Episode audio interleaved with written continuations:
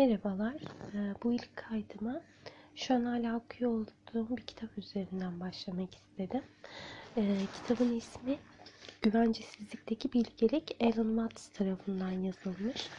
Bu kitabı aslında bu kitaba başlamamın sebebi e, internette rastgele bir şekilde gördüğüm bir alıntısıydı. Bu alıntıda da şöyle diyordu daha pozitif bir durum elde etmeye çabalamanın kendisi negatif bir durumdur. Paradoksal olarak ise insanın negatifliği kabul etmesinin kendisi pozitif bir durumdur.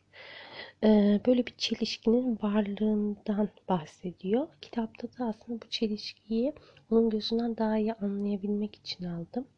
Ve aslında bu çelişkinin de ne kadar doğru olduğunu e, kendi içimde hissettim.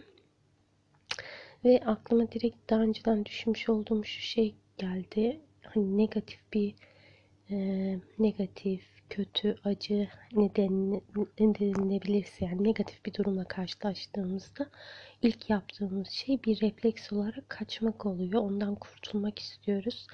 Ama e, kaçtıkça da aslında o şeyin içinde hapsoluyoruz gibi hissediyorum ben. En azından ben kendimi öyle hissediyorum. Yani olan bir şeyden direkt kaçmak aslında o şeyin içine daha çok e, çekiyor gibi hissediyorum. Yani kaçtığım şeye kavuşuyorum sürekli en sonunda.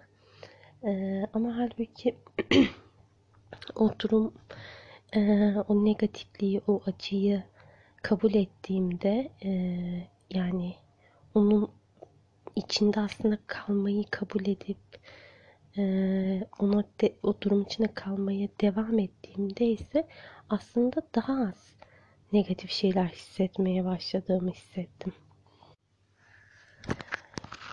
Daha sonra kitabın içinde bazı hoşuma giden kısımların altını çizdim. Onları da paylaşmak istiyorum. İlk olarak endişe çağı başlığıyla başlıyor ilk bölüm. Merhabalar.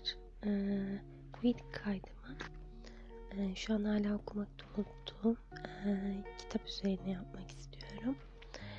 Kitabın ismi Güvencesizlikteki Bilgelik Alan Watts tarafından yazılmış. Ee, bu kitabı seçmemin sebebi aslında rastgele gördüğüm bir alıntıydı. bu alıntıda şöyle daha pozitif bir durum elde etmeye çabalamanın kendisi negatif bir durumdur. Paradoksal olarak ise insanın negatifliği kabul etmesinin kendisi pozitif bir durumdur. Şimdi bunu okuduğumda bu beni çok etkiledi çünkü bana çok doğru geldi açıkçası. Ee, tabii insanlar bunları kendi tecrübelerinden yola çıkarak böyle doğru veya yanlış buluyor, yakın hissediyor düşünceyi kendilerine. Benim bu düşünceyi yakın hissetmemin sebebi aslında e, herhangi bir olumsuz bir şey e, yaşadığımda ya da bir negatiflik olduğunda çoğu insan gibi bir refleks olarak bundan kaçma eğilimi gösteriyoruz. İlk yaptığımız şey o durumdan kaçmak, yerine iyi şeyler hissetmek, bunun peşinde oluyoruz. Ama kaçtıkça da aslında o kaçtığımız şeye doğru koşuyoruz. Bir nevi o kaçtığımız şeyin içinde hapsoluyoruz. Ee, ama tam tersi yapıldığında o negatif durum e, kabul edildiğinde içinde biraz o durumu kabullenerek durulduğunda o negatif etkisi, o sıkışmışlık hissi çok daha azaldığını düşünüyorum. Burada da bu çelişkiyi kitapta nasıl anlattığını, e, bu çelişkiyi bu yazarın gözünden aslında görmek için okumaya başladım. Dediğim gibi daha henüz bitmedi ama şu ana kadar okuduğum kısımda e, daha çok anda kalmanın öneminden e, geleceği gelecek için hayaller kurarken aslında olmayan bir şeyin hayalini kurarken şu anı kaçırmanın anlamsızlığına tabii bunları kendimce yorumluyorum her okuyan. Başka şeyler de çıkarabilir.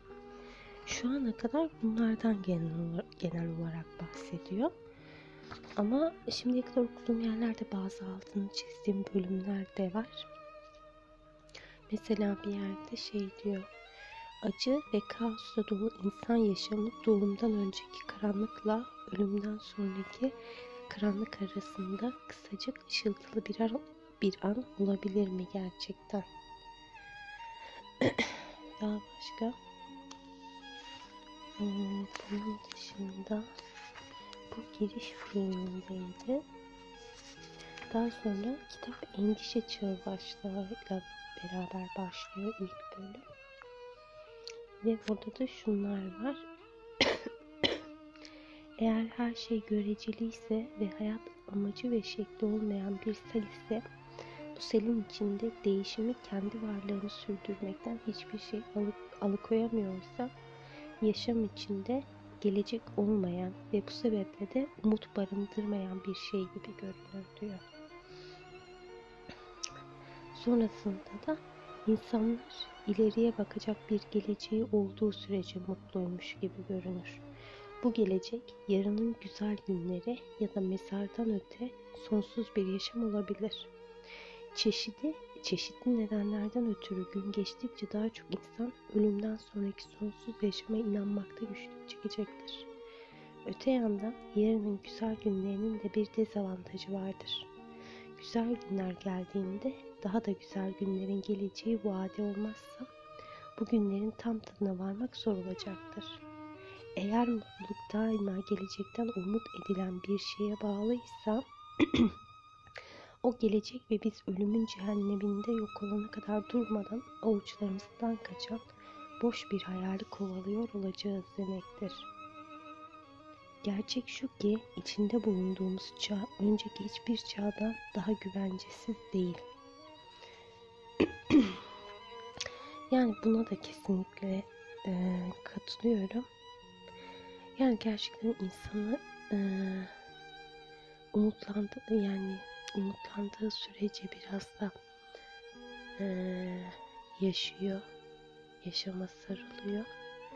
E, daha güzel olabileceğini düşünerek kendinde bazen devam etme gücünü bulsa da aslında belki de yani herkesin çoğu kişi aslında mutluluğu arıyor, mutluluğa ulaşmak istiyor da ya öyle bir şeyin de mümkün olmadığını fark etmemiz gerekiyor galiba. Yani belki bir yani iyi şeyler, kötü şeyler bunlar tüm için beraber yani bir şeyleri sürekli bunların umutla yaşamak çok büyük bir şey olsa gerek.